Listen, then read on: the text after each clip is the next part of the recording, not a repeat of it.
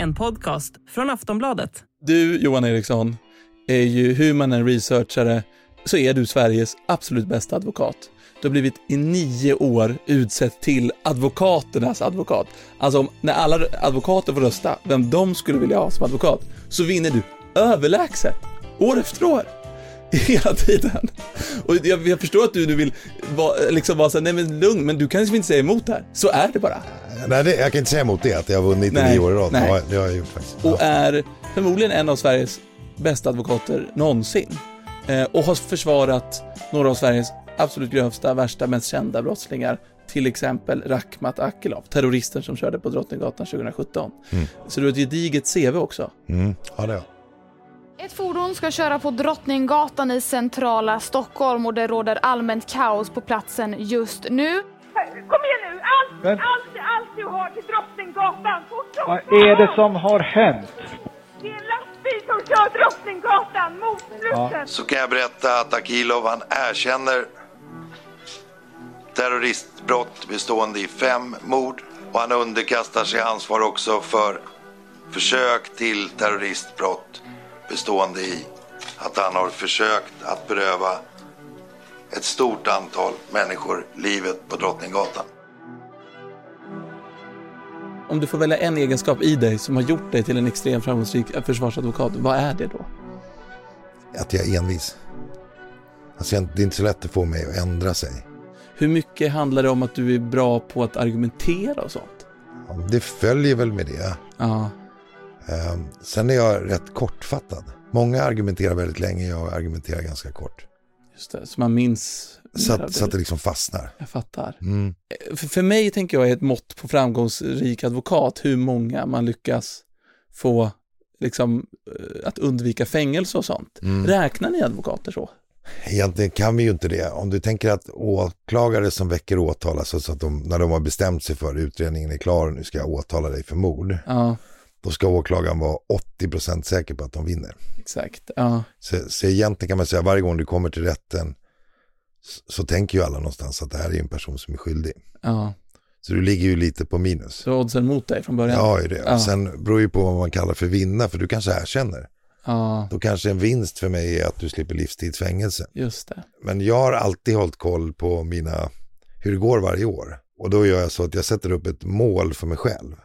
Det behöver jag inte berätta för klienten. Just det, men att fria eller jag kanske tänker eller? att, eh, ja precis, jag kanske tänker att du är åtalad för grov misshandel, men jag tänker att det här är bara en vanlig misshandel, det ska jag lyckas med. Hur många procent av målen sätter du över ett Ja, år? men det berättar jag aldrig för någon. Va? Nej, jag har aldrig berättat det för någon. Då är det ju hög tid, mina damer och herrar, för Johan Eriksson att avslöja det. Inga kommentarer. Är vi, är vi norr om 50 procent? Ja, det är vi. Vi är mer Med än fem- råge, jag är, vi, vi är mer än 50 procent, vi. Men, Vi, vi, vet du vad, vi är uppe på 81. Nej, det är vi inte. Men, men, men, Just det, 72. Du, det, Det är där någonstans. du kommer aldrig lura ur mig det där. Men för mig är ju det ett, man måste ju ha något mått. Ja. Om, annars är det ju som att hoppa höjdhopp och inte veta hur högt du hoppar. Men, men, men tror du att det är många andra advokater som lyckas med 72 procent? Ja, eftersom ingen vet vem, om det är någon i Sverige som har fått 72 procent så vet vi ju inte det. Nej.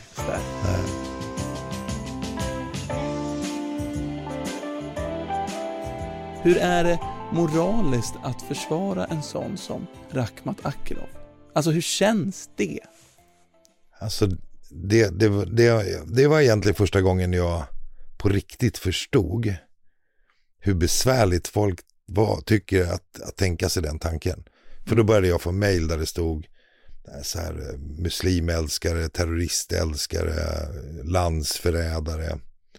Eh, Och för mig, jag fattar ingenting för jag tänker att jag, jag är precis tvärtom. Jag är ju demokratins bästa vän. Eh, Jag ser ju till att han får det bästa möjliga försvaret. Den rättvisaste rättegången man kan tänka sig. Det var ju mitt mål. Eh, Det är bra, men man förstår också att det finns den här liksom, den lite banalare delen av hjärnan. Mm. Är så här, men vad fan, det ska jag ju inte ha. Alltså så tänker Ja, ju ja, en ja, del men av hjärnan. Ja, man tänker ju det. Ja. Om du inte gillar något så tänker du att det är det. Du ska tänka att han skulle ha stryk i cellen, tortyr, Mm. stenhård behandling. Kriget, du vet, han tycker ju att han är en soldat. Man måste ha det klart för sig. Mm. Eh, Och att han gjorde det här för Islamiska statens skull. Mm. Och, och så ville han ju beskriva sig själv, alltså soldatens tankegångar. Mm. Jag, tänker, jag kommer vilja gå in mer på Rakhmat Akilov Mm. senare, hur det Mm. var. Så det är jättespännande, men om vi går in på de du försvarar lite mer generellt liksom. Mm. För du har ju träffat mördare och alltså våldtäkt, du har träffat allt så, sånt hemskt. Ja, liksom. jag har liksom sett allt Från- i princip. Ja. Ja. alltså jag har sett det som man skulle kunna kalla för eh, de värsta sidorna av människor. Ja. He, hela ditt yrkesliv, eh, Mm. liksom. Mm. Typ 30 år. Finns det någonting du kan se som är gemensamt hos de värsta klienterna du försvarar? Ja, faktiskt att det inte är som alla tror. Vanligt folk tror ju att om de skulle träffa en mördare så skulle de möta någon människa som de aldrig tidigare har träffat. Så är det ju inte. De, de är som du och jag. Mm. Och så händer det någonting i livet. Jag, jag tänker att nästan alla människor vid fel betingelser skulle kunna döda någon. Jag är fullständigt övertygad om det. Med din erfarenhet som du har Ja, sett? Ja. Ja, Skulle jag kunna döda någon? ja, absolut. I vilket sammanhang tror du jag skulle kunna döda någon? Antingen om du skulle bli rädd för ditt eget liv till den graden att du känner att det finns inget val. Mm. Eller att du skulle um, hamna i något slagsmål och känna dig väldigt underlägsen och så är det någon som sätter en kniv i handen på dig och så pupp, så är det slut. Väldigt många av de mord som begås är ju inte planerade. Utan Nej. det, är- det är ju något som blossar upp, något som händer.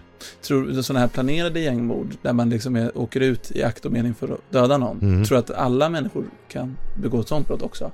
Om, om man liksom skulle ha genomgått ungefär samma grundutbildning om du fattar vad jag menar. Eh, Mm. Jag, jag tror ju att det här med, eller jag tror inte, jag vet det, att det här som vi har nu i Sverige, det handlar ju i grunden inte så mycket om att vi har dålig lagstiftning eller dåliga poliser. Det handlar ju om socialt utanförskap och ungdomar som, de, deras förebilder är liksom gangsters i samma område. Mm. Särskilt kanske om man själv har lite knackigt hemma Mm. så drivs du liksom framåt till det där på något sätt. Du, Mm. det, gänget blir din familj, eh, gängets regler blir din trygghet på något sätt. Mm. Och jag vet inte, det vore ju konstigt om alla de ungdomar som, som idag blir gangsters då, om vi ska säga, om, om de skulle vara födda och tillverkade på något annorlunda sätt än du och jag. Du sa att eh, nä- nästan alla brottslingar du har haft har varit liksom, du har kunnat se nyanser Mm, och så. ja, ja. Men att det finns ändå en handfull Ja, som du har känt, att här kanske vi närmar oss någon sorts ondska. Finns det något exempel, utan att nämna något namn, där du liksom har känt att det här är inte bra? Nej, men jag, har- jag har träffat folk som har dödat som inte verkar känna skuld inför det. Ofta ensamvargar på något sätt. Vet, som har drivits av någon hämnd och gått och väntat på den här hämnden väldigt länge. Det är, det är en känsla man har. De är ju, de är utomordentligt liksom, trevliga mot mig och vi dricker ka- kaffe och käkar Mm. kakor och pratar om det. Men, men det finns några som jag tänker i mitt stilla sinne. Har du någon gång känt dig rädd för någon klient? Nej, men jag kanske har tänkt någon gång att jag skulle inte vilja vara osams med någon kanske. Ganska ofta Eh, kanske till och med. Nej, ja, jo, kanske. Eh, nej, men Aysan, vi, jag tänker du kan, eh, finns det några delar jag har missat här? För jag känner att jag blir så här, eh, och sen tänkte jag, det hade varit roligt, jag tror också jag har GVs nummer, ringa GV och fråga vad han tycker om Johan. Ja, absolut. Om, eh, om han hade svarat. Men han brukar fan svara. Testa. Testa och ring GV. Ja, jag lyssnar.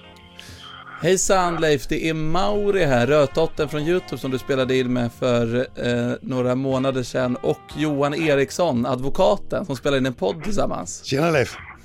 Ja, hallå? Hallå? Ja, Hur är läget? jo, jo, det är ingen fara. Har det hänt något? eller?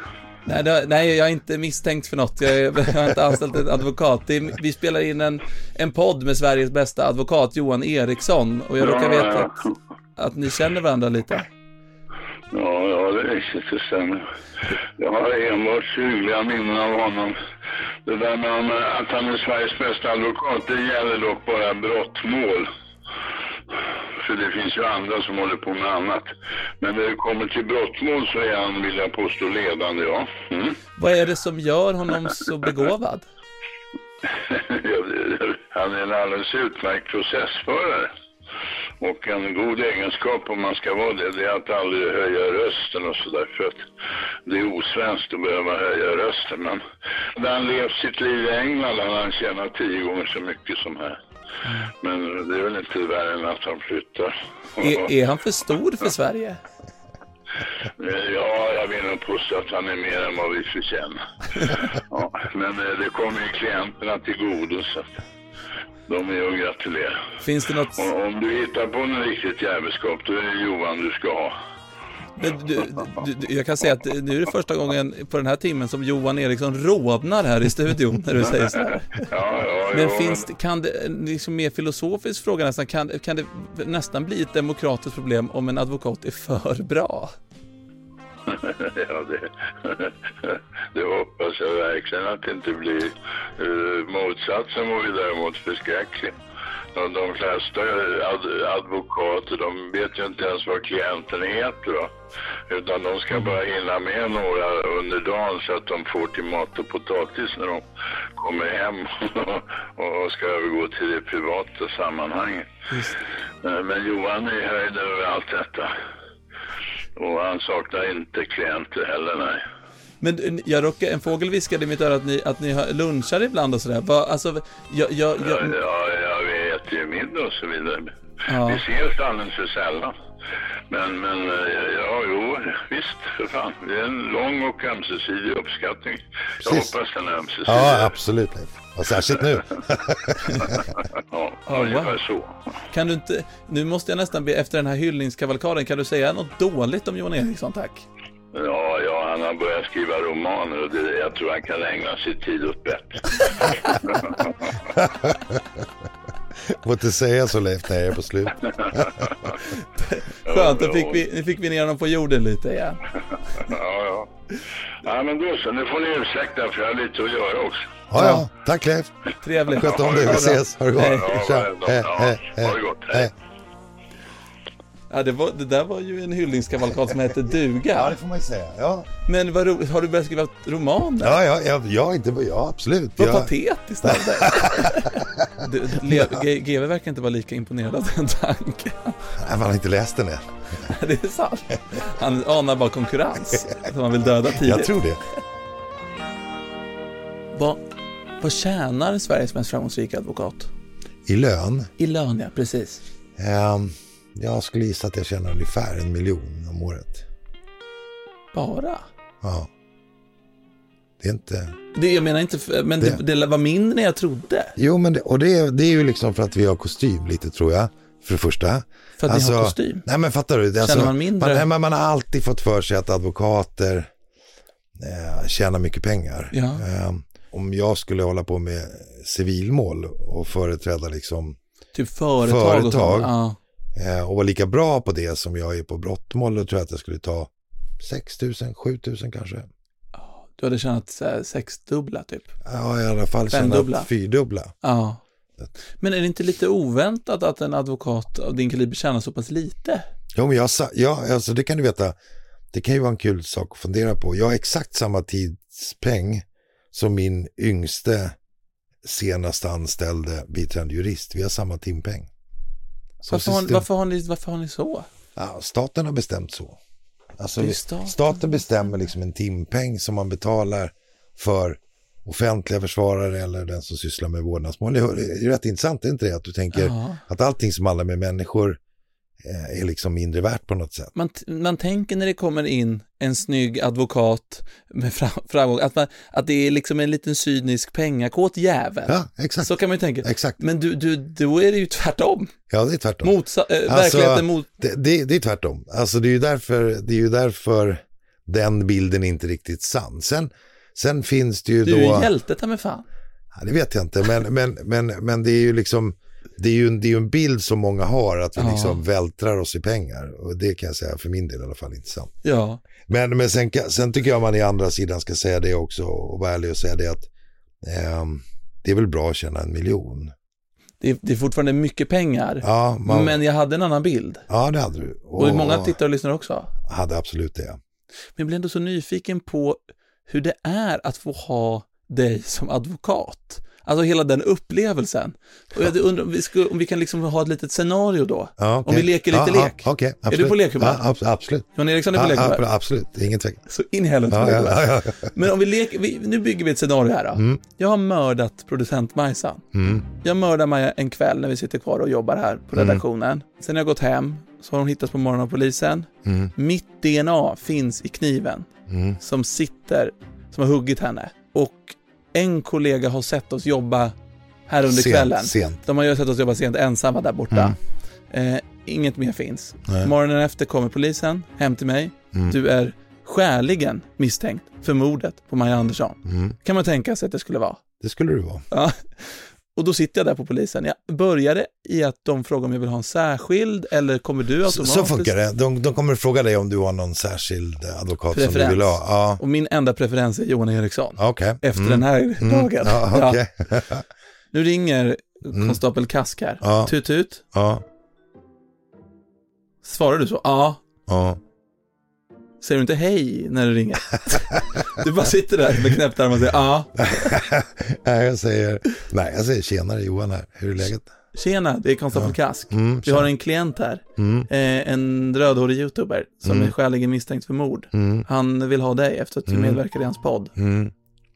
Jag ska fundera om jag har tid och kom, så tänker jag en stund. Det gör jag på riktigt. Du frågar inte vad, vad så att Nej, det ringer- spelar, det spelar mig ingen roll. För han, så, han sa ju själv misstänkt för mord. Kan du inte tänka lite så här, det här är medialt stort, eh, det här är bra PR för mig? Det tänkte sådär? jag jättemycket på förr. Ja, Nu tänker jag mer att det, det, jag, jag tar det jag har tid med faktiskt. Okej. Det, det är inte alltid jättekul att ha medialt stora mål, men nu kommer det ju bli det eftersom det är du. ja. Men okej, jag antar att jag sitter i någon cell hos polisen. Nu sitter du i, då sitter du där, vad är det här ungefär? Ja, lite, lite mindre än den här faktiskt, ungefär halva dörren där. Okej. Sju kvadratmeter har du. Ja. Ehm, Vad är det första du säger till mig? hur mår du? Det, du så börjar? Ja. Jo, Alltså jag tänker att jag använder den första stunden till att försöka att du och jag ska få lite kontakt.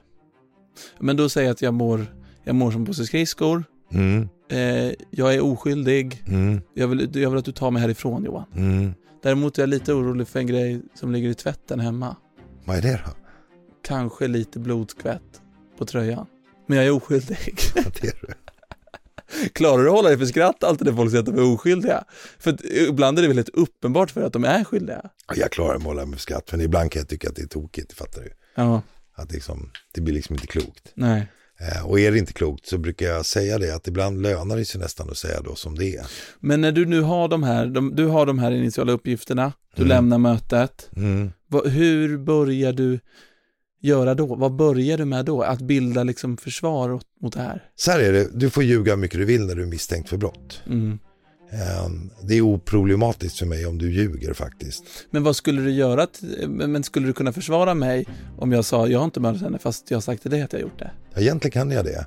Och du Men- har, det måste du ha gjort några gånger. Men måste alltså, du vet, folk säger inte så. Alltså det, det De går gör inte inte till det? Nej, alltså. Även fast människor är så skyldiga så att, så att jag tänker det är liksom obegripligt skyldiga. Ja. Du är på film. Ja. Så kan män, sitter människor som nekar i celler och försöker lämna förklaringar till varför de faktiskt inte är skyldiga. Ja. Det där mordet är inte så bra exempel men du säger att du istället hade spöat din flickvän. Mm. Och så skulle du först neka och sen skulle du säga till mig jag spöar henne faktiskt för att jag tycker hon var så jävla dum mot mig. Men det tänker jag aldrig erkänna. Mm. Då ber ju du mig att använda mig av min bästa förhörsteknik Mm. för att få din eh, tjej att framstå som en lögnare. Trots att du säger till mig att du är skyldig. Vad gör du då? Det kommer inte jag göra. Då kommer jag säga till dig att eh, antingen så kliver du i. Vill du inte det så får du faktiskt byta en advokat, byta till någon annan advokat. Och då ska jag ge dig ett råd. Säg inte sådär. Till den advokaten? Ja. För vi, vi kan inte liksom, det blir inget bra. Nej. Och i ditt mål då ser beviskravet ut så, givet att det inte finns någon vittne som har sett det där, att åklagaren måste föra så mycket bevisning att han knyter dig hit till mordplatsen vid tidpunkten för gärningen Mm. och visar upp en utredning som utesluter andra alternativa gärningsman, typ städaren. Mm. Först då kan du dömas. Just det, och så då skulle du börja försöka leta efter lite hål på saker. Ja. Kan ni verkligen knyta Ja. honom till den tidpunkten? Ja, det jobbar 500 personer i det här huset. Eh, och egentligen måste väl alla dra någon tagg när de går in. Mm. Men någon kan ju ha gått in efter någon annan och särskilt om man ska mörda någon så kanske man gör det. Mm. Eh, och då ställer vi ju oss förstås frågan om det kan vara någon annan gärningsman.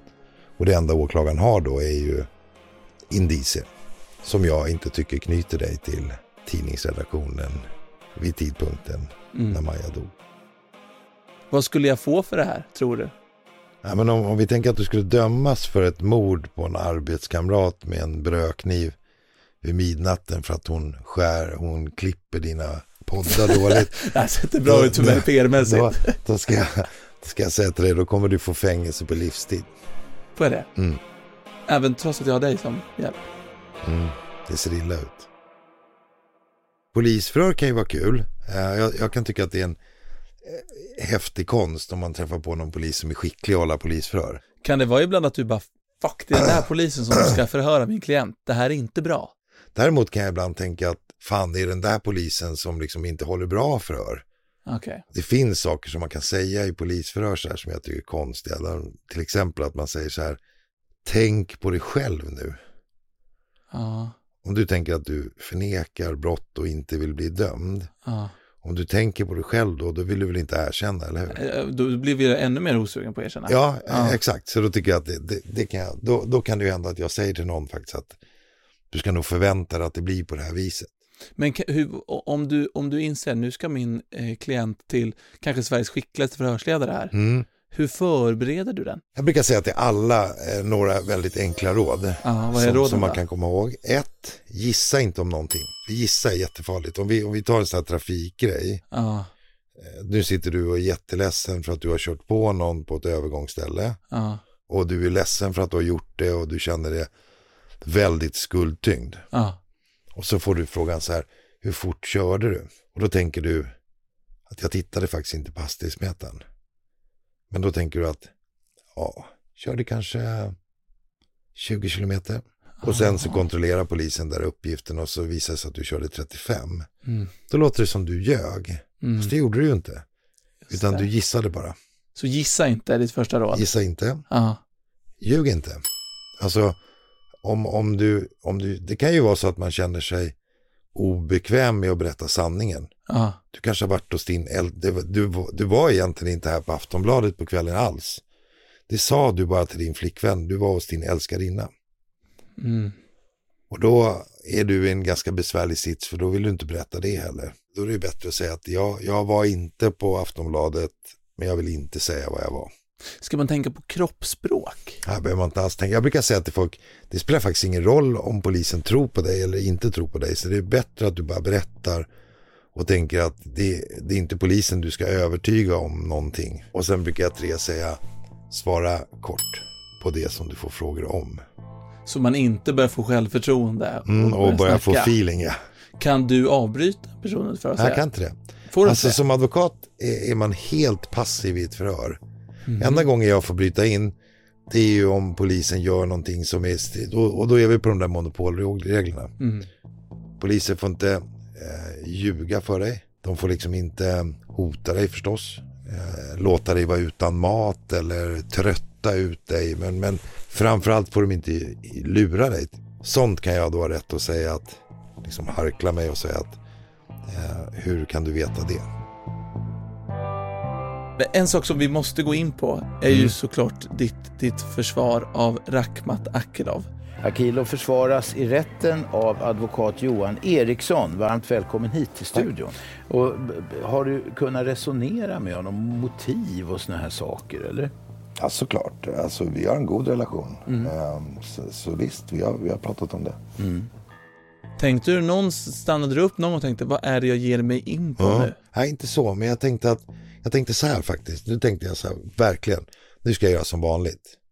Alltså inte börja hålla på med några liksom, konstigheter utan gör nu exakt som du brukar. Liksom, som om det här vore ett vanligt mål bara. Hur är, hur, hur är det att gå in i det rummet där han sitter? Ehm, det- det tyckte inte jag var så konstigt, men det som var konstigt var kanske liksom, då träffade man, jag träffade poliserna nere liksom i receptionen. Man, vi tog gå igenom säkerhetskontroller och sånt där. Och då kände jag att det inte var som vanligt för alla hade någon slags, som, förstår du, lite li, konstigt. Som om vi ändå hade något gemensamt uppdrag. Förstår du, som att vi var utvalda Mm. och hanterar det där. Så utanför så står det liksom en stor hord med journalister och väntar på att få tag på någon. Så Mm. ska du göra det där så känns det lite så, jag vet inte, som att, ja det kändes lite sådär um, annorlunda. Ja. Men sen går du då upp i, i rummet och har du ett privat möte med honom Mm. först? Ja det måste jag, tror jag. För jag förstår att det här är din klient och att du inte kan Mm. Nej, säga jag kan, men inte, berätta- jag kan inte berätta något egentligen. Vad vi, jag kan ju inte berätta vad vi pratar om. hur, hur, hur är en sån relation? Kan ni kallprata med varandra? Ja, Ni gör man. det? Man ska ju tänka att jag, om, vi- om, vi, om vi tar vilket som helst då, lämnar honom eller vilket som helst, han, han, han skiljer sig inte i någon större utsträckning. Nej, vi pratar i generella termer nu. Ja, Nej, men, men han och andra klienter är ganska lika. Om du tänker att du hade träff, aldrig hade träffat mig och skulle bli inlåst i en cell och så är du ensam 23 timmar om dygnet och den enda du träffar är mig. ja.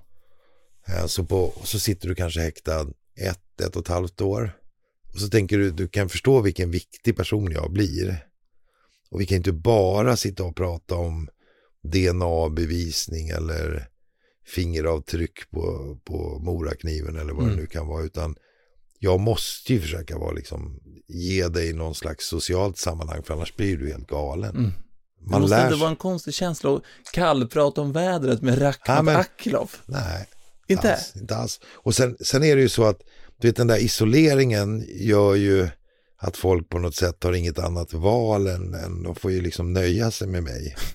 Inte Om du- dåligt. ja, ibland brukar jag spela Yatzy med folk. Superbra. Ehm, Får jag fråga om du har spelat Yatzy mot Rakhmat? jag har spelat sällskapsspel med Rask Rakhmat, det har jag faktiskt. Men v- vad liksom grejen med det är att där du vet slå tärningar och bli glad och få liksom Yatzy Ja, på något sätt ta bort lite av det här liksom konstiga. Just Och sen så fast du sitter inlåst så kan du liksom bli skitglad över att du får Yatzy på ett slag. Och så helt plötsligt kan det där lilla Yatzy-lirandet göra att du och jag kommer oss lite närmare till, Ja. lite närmare varann. Och när du kommer lite närmare mig, då kommer du att berätta om det där. Just Att det var faktiskt så att hon skar sig. Ja. Får, får man fråga vilket sällskapsspel du spelade med Rakhmat Akilov? Nej, Det får man inte fråga. nej, jag, Nej, jag vill okej. inte. Jag vill inte. Men så här då. Vann du sällskapsspelet mot Rakhmat? Nej, det gjorde jag faktiskt inte. Du förlorade. Mm, det gjorde jag. Jag vet inte varför jag tycker det är lite kul. Det är också så hemskt situation. Alltså, Jo, Men- men, men, det är inte ett bevis. Alltså, han är ju liksom i någon mening tillverkad på samma sätt som du och jag. ja, Eh, Sen gör han saker som du och jag har väldigt svårt att förstå ja.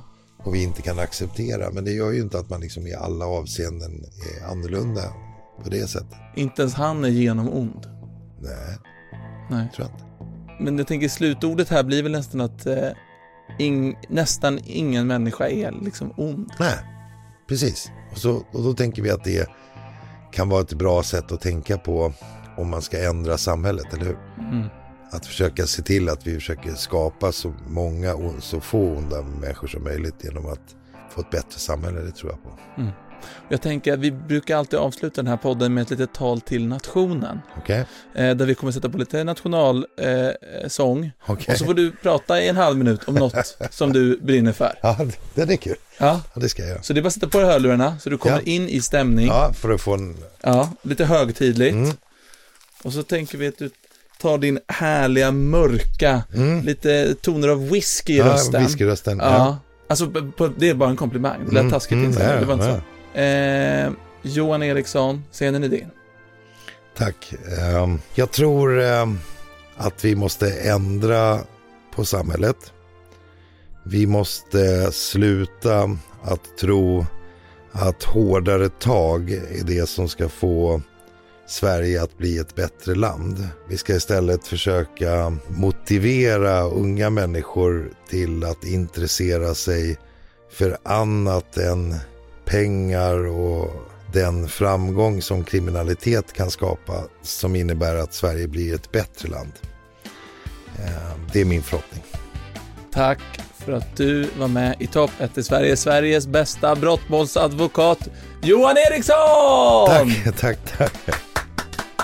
Du applåderade dig själv. Nej, jag applåderade podden såklart. Jag tycker det var kul. Det var fint med nationalsång och så. Ja, kul att ha dig här. tack, tack.